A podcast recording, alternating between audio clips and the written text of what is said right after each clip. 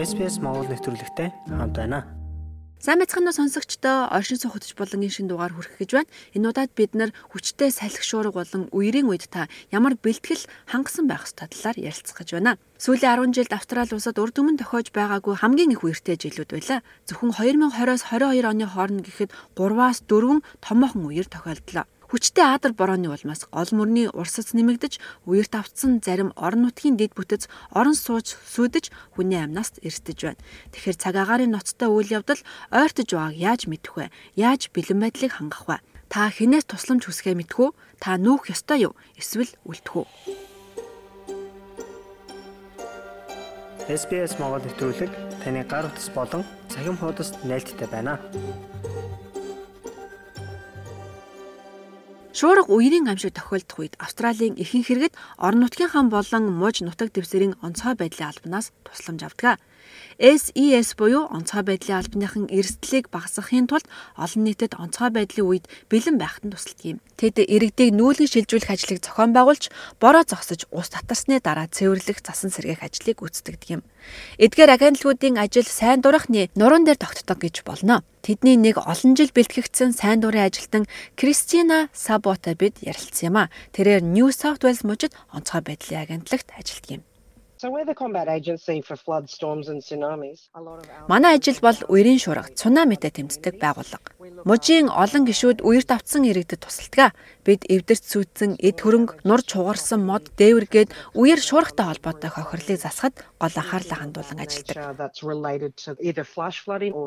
Онцгой байдлын албаны сайн дурын ажилтнууд хүчтэй шуурга үер болохоос өмнө оршин суугчдад сэрэмжлүүлэхийн тулд айл бүрээр явах үеч гардаг. Тэд оршин суугчдад нүүлгэн шилжүүлэх журам сонголтуудын талаар мэдээлэл өгдөг.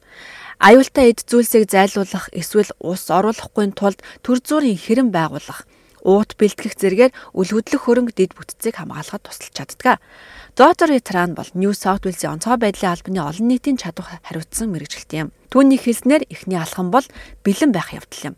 Хүмүүс эрсдлийн түвшингөө ойлгох ёстой бөгөөд ингэснээр гамшигын үед юу хийхээ наривчлан харуулсан яаралтай тусламжийн стратеги боловсруулах боломжтой болдгоо.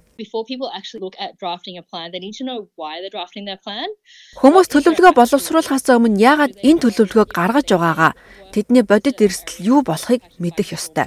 Тэд хаана амьдардаг, ажилдаг, явдаг газар нь шуурга үерт өртөх магадлалтай эсхийг тооцох ёстой. Шуурга хааж тохиолдож болох тул шуурганд үргэлж бэлэн байх нь хамгийн чухал юм. Үерийн тухайд гэвэл хэрвээ та усан зам, гол горих борооны хоолон ойролцоо амьдардаг бол эдгээр ус хаашаа урсаж болох танаа байшин дамжин өнгөрөх болон тээврийн гол замуудад яаж нөлөөлж болохыг анхааран үзээрэй.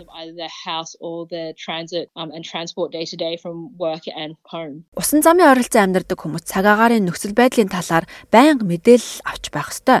Та цаг уурын хүрээлэн болон онцгой байдлын албаны аппликейшнууд, вебсайтууд эсвэл олон нийтийн мэдээллийг хэрэгслээр цаг агаарын үеийн мэдээллийг авах боломжтой. Хүүхэдтэй тэжээвэр амьтантай ямар нэгэн мал маллаж амьдардаг бол хаана яаж аваач хаач мэддэг байх ёстой.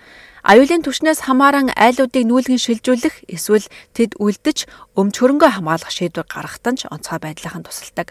Айлч тохиолдолд уерт өртөмтгий бүс нутагт амьдардаг хүмүүс яаралтай тусламжийн багцыг бэлэн байлгах хэрэгтэй гэж хадагтай тран тайлбарлаж байна do they need things like medication day to day? Тэдэнд өдөр бүр уух юм авах хэрэгтэй юу? Солих хувцас, ус, хоолтой байхын тулд та үндсэн хэрэгцээгээ тооцох хэрэгтэй. Хэрвээ танаа гэр бүл тэжээвэр амтан эсвэл хүүхэд байгаа бол тэдэнд зориулсан эд зүйлс байгаа эсхийг шалгаарай.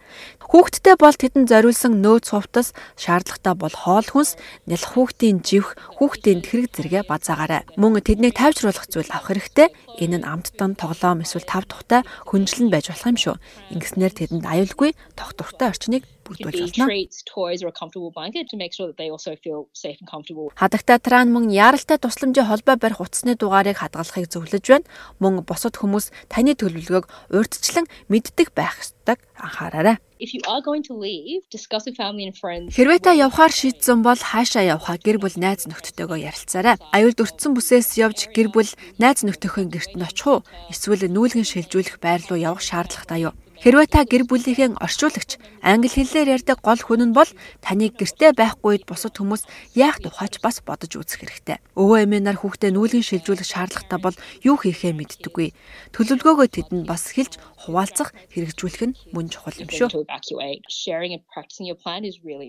Батарей гарч идэн, ла, борооны хэрэгсэл, хүнжил, ариун цэврийн хэрэглэл зэргийг багцлан авах хэрэгтэй. Мөн анхны тусламжийн хэрэгсэл, пассворд болон бусад иргэний үнэмлэх, банкны болон даатгалын мэдээлэл зэрэг чухал бичиг баримтууд түнчлэн үл хөдлөх хөрөнгийн гэрчилгээ, гэр бүлийн зураг гэх мэт бусад эд зүйлсийг өөртөө ойр авах нь зүйтэй. Хэдийгээр онцгой байдлын албаны гол зөвлөмж бол хүмүүсийг нүүлгэн шилжүүлэх явдал боловч зарим туршлагатай хүмүүс үлдэхээр шийддэг. Никол Вастл бол Сидней хотын захын жижиг хотод Макдоналд голын доод хэсэгт амьдардаг.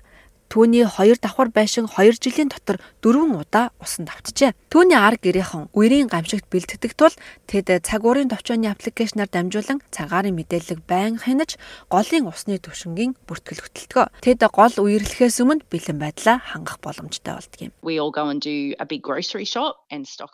Бид бүгдээрээ хамт явж хүнсний дэлгүүрээр орж удаан хадгалж болох хоол хүнс нөөцөлж авдаг.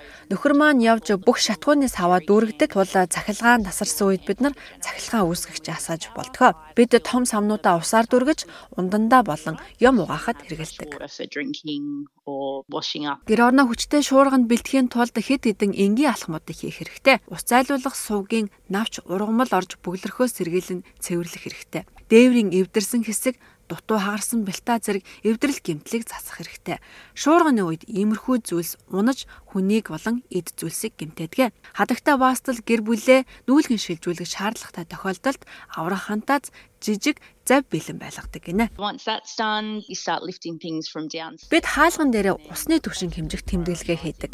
Ингэхдээ он сар өдрөөч бас тавьдаг. Ингэж өдөр бүр тэмдэглэгээ хийснээр бид яаралтай арга хэмжээ авах боломж бүрддэг юм а. Үерийн үед суурин утас, гар утас, интернет тасалддаг we've actually changed our Бид интернетийн үйлчилгээ үзүүлэгчээ хиймэл дагуул болгон өөрчилсөн. Ингэснээр гар утсныг сүлжээж үргэлж сайн байдаг. Энэ их зөв шийдэл болсон гэж би хувьдаа боддгийм. Энд та цахилгаан тасалдсны дараач генератортаа залгаад хиймэл дагуулаас интернет авч бусдтайгаа холбоо барих, мэдээлэлээ авч байх боломжтой.